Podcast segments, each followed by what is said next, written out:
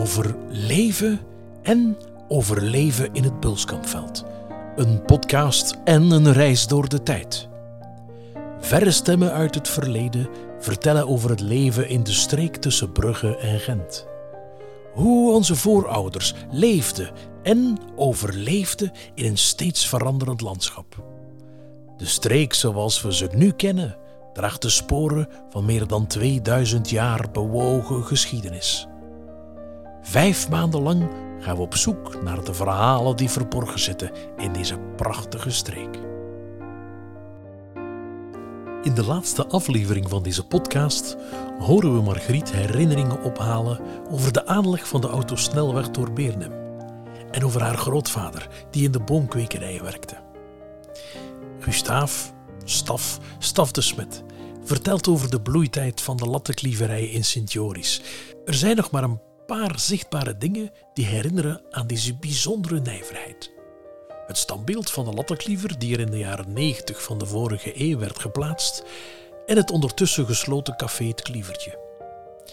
Het ambacht verdween even snel als het was opgekomen.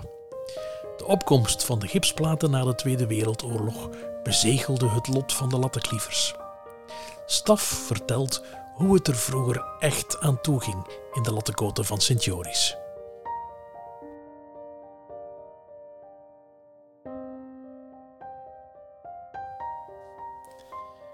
Ik zeg goeiedag.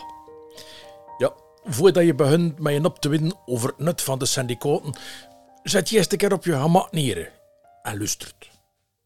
Ja, ik, wil je er juist het en het ander vertellen over hoe dat leven was van een lattenkliever en van zijn menage. En natuurlijk ook hoe dat we er weer in geslaagd zijn om voor met de vakbond het leven van onze mensen toch wel aanzienlijk te verbeteren. Kijk, en, en begin voor het jaar 1910 was dat. Was de algemene toestand hier niet zo fameus. Net, net worden hier echt uh, ja, wantoestand nee, onder het werkvolk. Jongens, toch, de pri, wel, wel, wel wat dan kregen. Dat was zodanig leeg dat de werkweken van Chester huren nog niet genoeg was voor een menage te onderhouden. Ja, en toen klap ik alleen nog maar over eten en drinken, en kleren en, de pacht voor, de schaamluzetjes waar zij woonden. Ja, de vrouwen moesten in de zomer ook nog uh, bijwerken bij de boeren. En het winters, ja, spellenwerk niet, in er voor toch een beetje dentjes aan elkaar te knopen. Ja, je ziet dat van hier dat dat, dat, geen ideale toestand was voor jongens groot te brengen. De maandag werd er bij nooit gewerkt. De patrons wilden dat zo. Ja, nu moet je weten dat bij al die patrons, dat ze zich er ook herbergier worden. En, en dat werkvolk verplicht was voor, voor de maandag toch naar hun werk te komen. Ja, ja, ja, ze mochten dat toen koorten en bier drinken. Zolang dat bier maar van de eigen herberg kwam. En de dag voordien, de zondag, was het betalingen, ook in de herberg. Ja, de patroon liet er toen uh, expres verschillen huren wachten nee, voor, dit, voor dit betalingen, zodanig dat ze, dat ze dit hadden voor te drinken. Nee. En hoe meer dat je dronk, hoe meer dat je in de roosjes stond van de bos. Ja. En ze mochten ze drinken op de poef uh, en dat weer toen uh, ze bits afgoeden, direct van, van hun pre op het einde van de weken. Ja. Ze moesten, maar jongens toch, ze moesten eerst na dit etelijke woorden en kleren in het winkeltje van de bos of bij zijn familie komen. Als je dan niet tijd weer je gewoon afgedankt. Ja, en, en toen, ja, voor de verloren uren van de maandag en tal, worden dat toen werkdagen van, van 14 tot, tot 16 uur. Nee, dat was geen uitzonderingen. Nee, net. Ja, ja je, moet, je moet weten, ze werden ze er per stek betaald. En niet per uur. Hè. En een stek, dat was een pak latten van 100 lopende meters. En die latten zelf worden tussen de 90 en 135 centimeter lang. Dat was een beetje afhankelijk van de opdracht. De, de goede lattenklievers kosten 30 pang latten maken op een dag. He. Dus dat is, dat is uh, drie dus latten van een meter. He. Drie kilometer. Dat is drie latten in een minuut dat ze maakten. Ja. Maar ik ga zeggen, het syndicalisme dat is maar stief uit Hand en Brugge ook naar Barnum en naar Sint-Joris doorgesippeld. Ja, het syndicaat van de lattenklievers is opgericht in 1909. Moet je zeggen, dat was nodig. Ja, in 1920 pees ik dat dat de van de, van de werklieden eigenlijk in Barnum en in Sint-Joris worden. Nu, pas op, de patrons worden lijkt nog niet direct geneigd voor veel toegeving te doen. Hè. Onder andere, dat liep nog niet te veel. Nee, nee, er moest effectief gestaakt worden. Nee. En het is maar toen dat de loon eigenlijk begon omhoog te In het jaar 1910 nee, is er maar liefst vier maanden gestakt geweest. Voor ja, een eerlijkere verloning. Hè. Maar met succes, hè. Ja, ja. Want geleidelijk verminderde ook de werkuur niet. Dat ging eerst van, van 14 naar 12, naar, naar, naar 10 uur in 1912, naar 8 uur per dag in het jaar 19. Maar dat had letterlijk bloed, zweet en tron gekost. Ja. En zo is de toestand hier zo een beetje, een beetje toch verbeterd. Hè. Maar dat was... Die latteklievers, dat was wel een apart volksje. Dus als je er zo ook kunt dreigen gewend is, hè. Ja, het gebeurde af en toe dat ze, ja, dat ze gewoon niet kwam werken. En dat ze bleven mangen op café. Ja, de cafés worden al open het vroeg. Hè. Of dat ze vies te laten op de, op de werkplekken kwam. en toen wierden ze door de collega's feestelijk ontvangen met de baldakijn. Met zessen worden ze dat toen. Met zes die vast toen, vasthielden. En met de baldakijn daarboven. En zo, al zingde, wierden ze naar hun slieten begeleid. Ja. Ze noemden dat samen een slieten. Like, in de koeien en de paardenstal. niet. Ja. ja. In, in de weken voor de jaarlijkse kermissen werden er toen nog altijd extra uren geklopt he, voor, voor, een beetje, ja, voor een beetje te verdienen he, voor, de, voor de kermisweken. Soms werd er van de vrijdag deuren gewerkt, s'nachts, tot de zaterdag noen. Ja, maar dat was nooit, hè. Want werd, uh, ja, op de kermissen werd er serieus gedronken. He. En meestal kwam er toen ook een schoon stuk vlees op tafel. Ja, ja, ja, ja vlees, ja. Vlees in die dagen, dat was, dat was hè. Ze kregen dat niet alle dagen. Hè. Het was geen die dat kostte betalen. Bij de grote bedrijven, like bij, Le, Le stonden stond die splatters dat toen in lange regen en er komen. En dat was ook aan de voorkant. Het was door verwarming. Hè. En oh, daarnaast uh, patrolenlampen voor het vroeg of voor s'avonds had de zon was. Ja, anders, het was nog geen elektrieke verluchting toen. En bij vriesweren kost er niet gewerkt worden. Ja, om, omdat die, die stam bevrozen worden en de latten braken toen hij stikken. Dat was ja, door de koede. Ja. Dus zulke dagen had, had verweeswier er niet verdiend. Ja. Maar de vrije tijd van die meesten, nee, ja, de weinige vrieuren dat ze nog over hadden, dat weer zomers besteed aan, aan een beetje aan het werken in een rovetje. En zo zit er allemaal ook een stukje land voor roesters te kweken. En het gebeurde dikwijls dat ze tot s'avonds zo, dat ze dat tot opkwamen met kleine groepjes voor een beetje te babbelen en te doen. Hè. Ja. Ja, dat, en, en je had in de winter toen, ja, het was vroeg donker, de lange winteravond. Maar ja, dat werd toen uh, rond de stoven. Meesten zaten rond de stoven, want ja, een beetje babbelen en doen. Maar de meesten gingen vroeg gaan slapen. Ja, dat bespoorde een beetje op, uh, op verwarmingen. En ook op voor de, voor de verluchting, dat was met, met patrollenluchten Maar kijk, bij elkaar, moet me toch wel zeggen dat, uh, dat Latteklief meer een zegen geweest is voor de streken. Ja, het was hier anders bij hij werk. He. Die uitzagerieën van Le Maillot hadden neffens de Latteklievers tot 500 man in dienst. He. Bij heel dorp van Sint-Joris werkte tot. Maar ik zeg dat niet zo hard als syndicalist, maar meneer Mayu, Isidore Le Mayu, je was die organisatorisch en, en dat, was het, dat was een genie. Dat was het, mijn jongens toch. En geen idee had niet zijn ondernemingen uitgebouwd en was niet de grootste werkgever tussen Brugge en Gent. Ja, ja. Had, had tot maar ja, zo'n veel goed nooit, hè.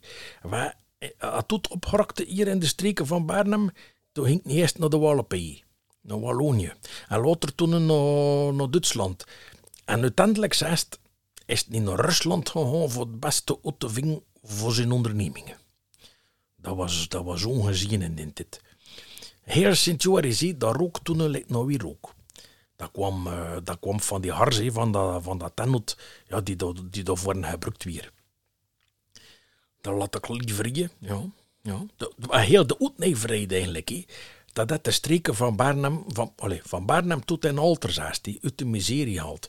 En dat zorgde voor een serieuze verbeteringen in de levensstandaard van de bevolking. Maar we moeten toch wel zeggen dat ons christen syndicaat voor een groot stuk mee voor gezorgd hebben. Ja, ja, ja, ja. Maar dat doet hij. Dat doet onze gebruikte. Dat weer dan gevoerd via het kanaal. Het kanaal Genbrugge. En grote vlotten was dat. Heel de voort lag heeft dit met vlotten. En dat werd met, ja, oftewel mankracht of met paarden voortgedrongen. Je had toen voerders en louders en lossers en, en schrijwerkers, latteklievers natuurlijk, otkappers, enfin, iedereen had eigenlijk wel een stil die bij hem paste weer hier. Ja, ja die streek haar leefde. En even het kanaal, liep er zelfs een klein tringspoortje die de boomstam naar dat lees moest brengen. Dat was ook van Valle. Oh. En die latteklievers, maar ze worden ze er bekend in, in, de streek hier voor hun wagenzindheid, he. Ze kosten, ze kosten feesten, maar ze kosten ook serieus hard werk. Maar. En overal weer terug gezongen bij het werk. En, en soms word je de ene atelier op een, de andere ernaast. Het was om te lutst. toen werd er wel wat afgelachen. Ja, ze wisten toen nog goed dat, uh, dat eigenlijk, als je zo een beetje positief instelt zit, dat dat voor extra energie zorgt. En, dat, dat dat zwaar werk, want dat was, dat was zwaar werk, dat dat de zo toch een stukje lichter werd. Allee, hoe. Allee, als we weten hier nu toch weer het wat meer over onze streken. Hé? Over onze schone streken. Hè? Allee, tot en drooi.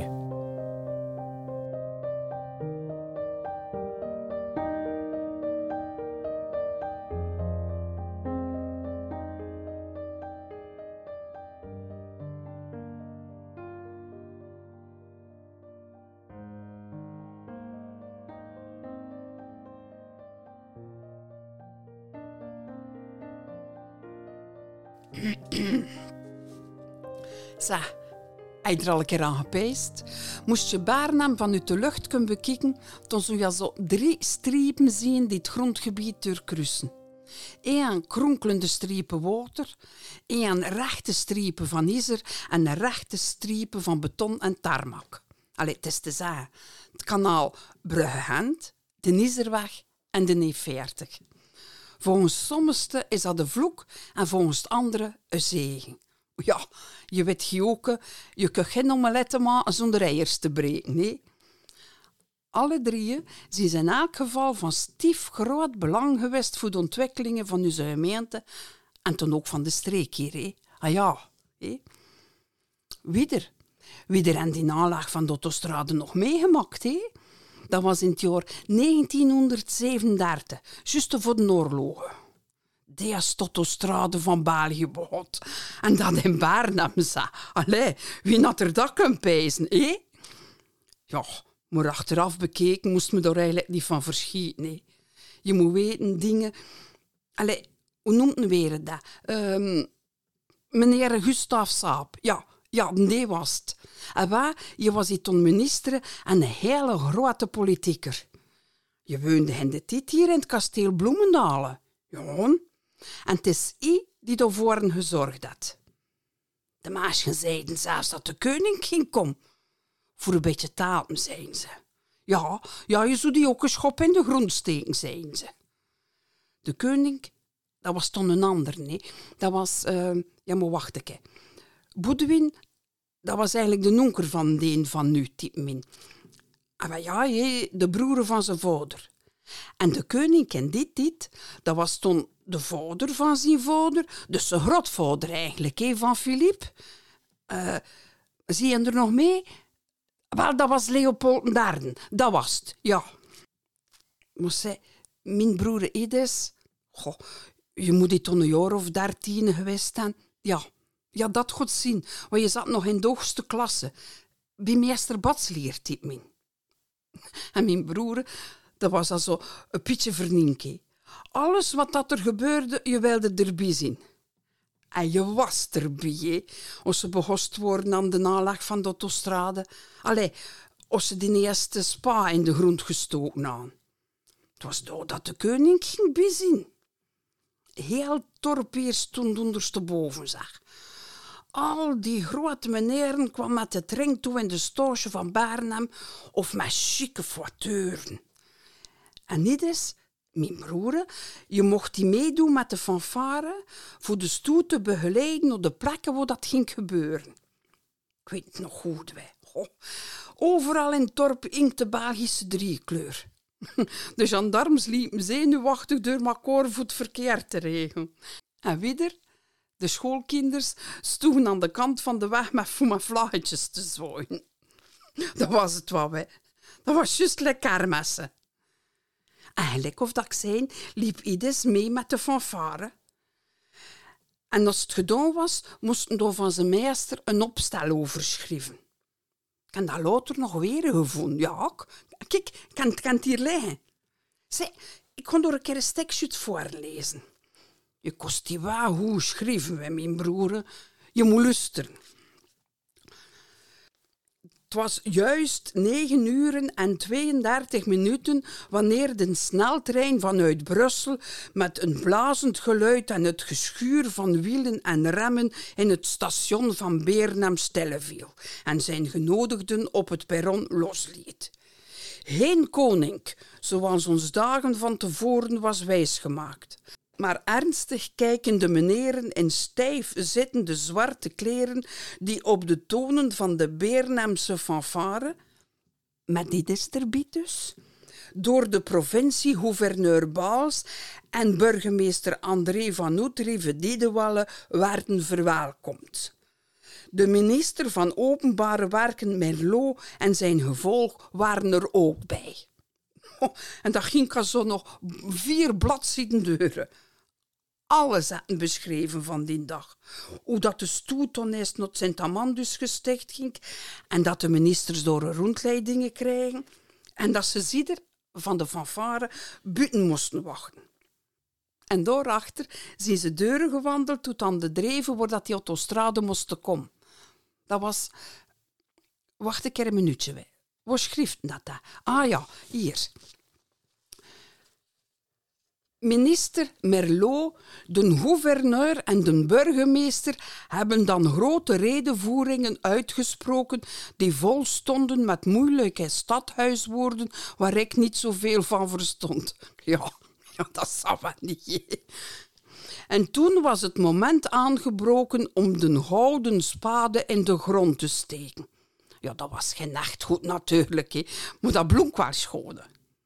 Het is wel heestig geschreven, nee, van niet eens. Eh? En daarachter, dat weet ik nog, was er een receptie op het kasteel Reigerlo van de familie de Madrid. En Nides mocht er ook mee naartoe, omdat het bij de fanfare was. Ja, ik weet ook niet hoe dat, dat kwam, maar je zei die dat die de enigste was van heel de scholen die mee naar binnen mocht.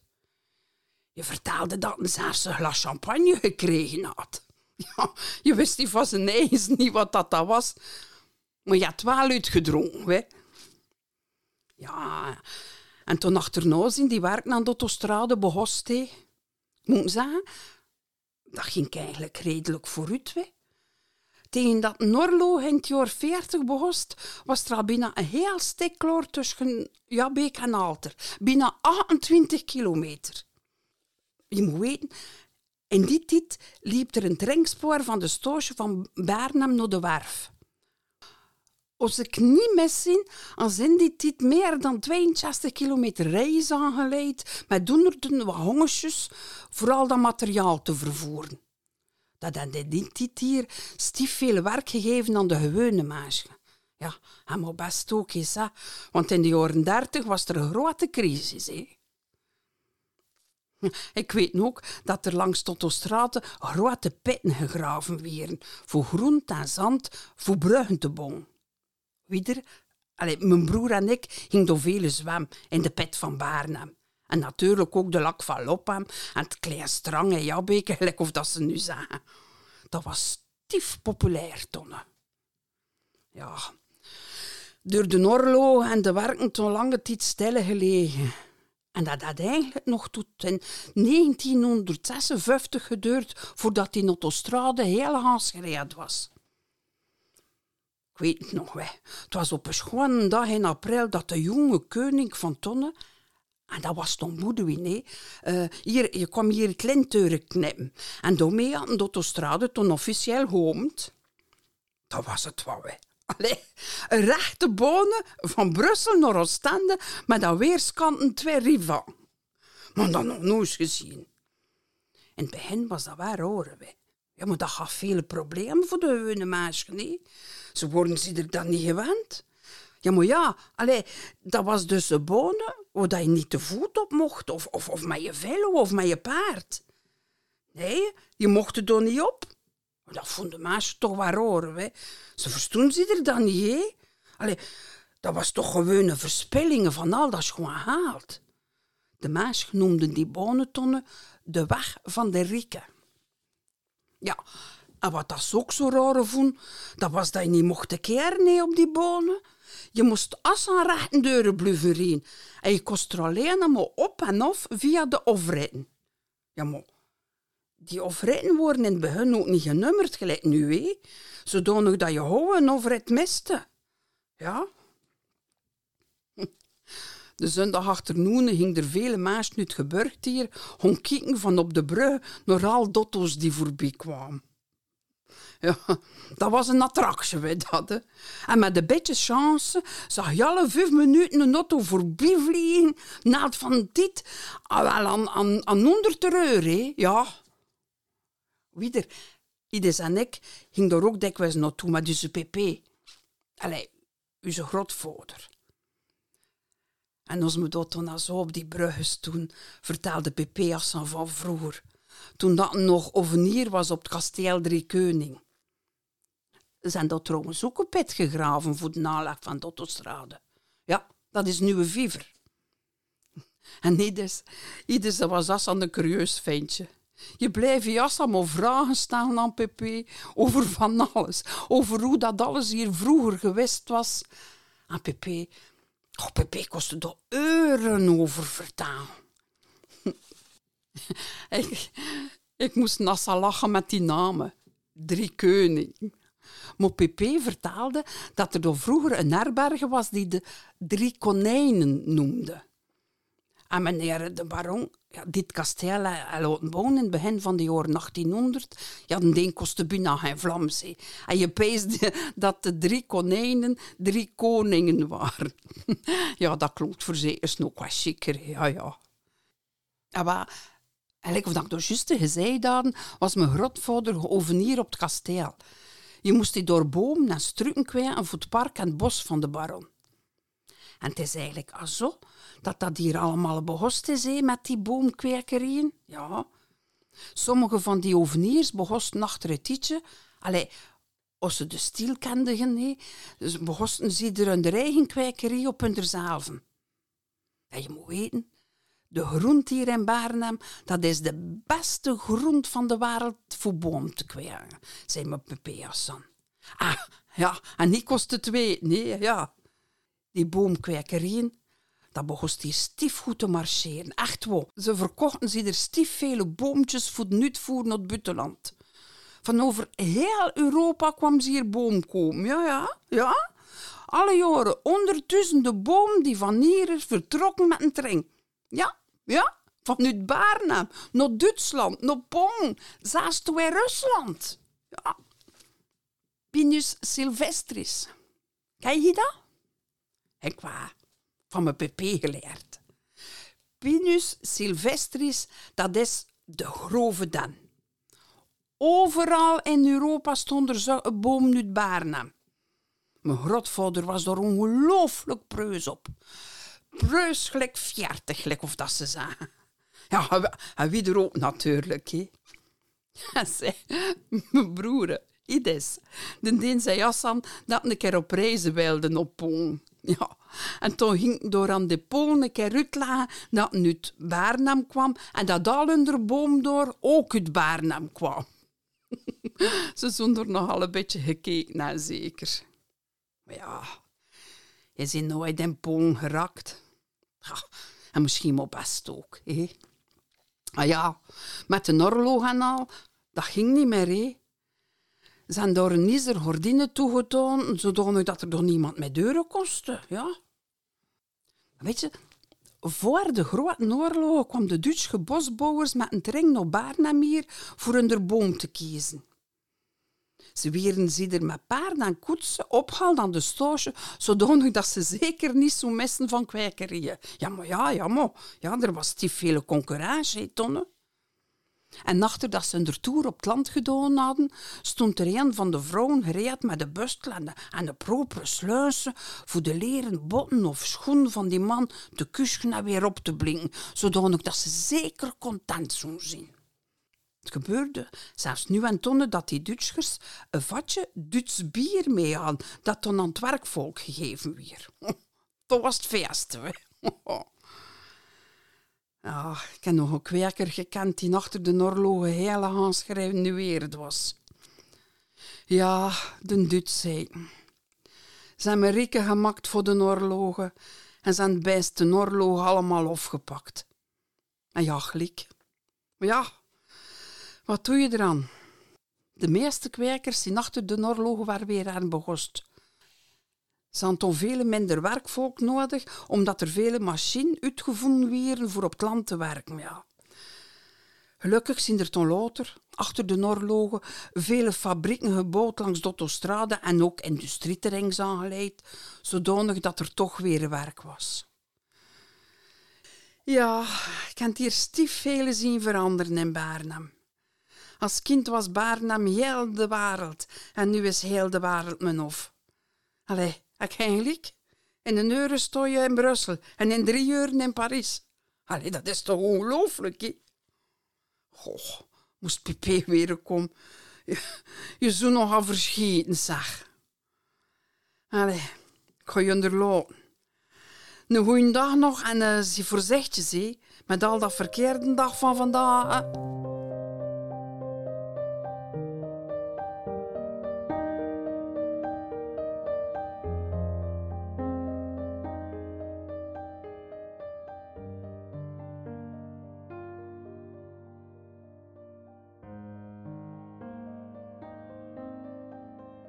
Deze podcast is een initiatief van de provincie West-Vlaanderen in samenwerking met Westoer, de gemeente van het landschapspark Pulskampveld en met de steun van LEADER, het Europees Landbouwfonds voor Plattelandsontwikkeling. Europa investeert in zijn platteland.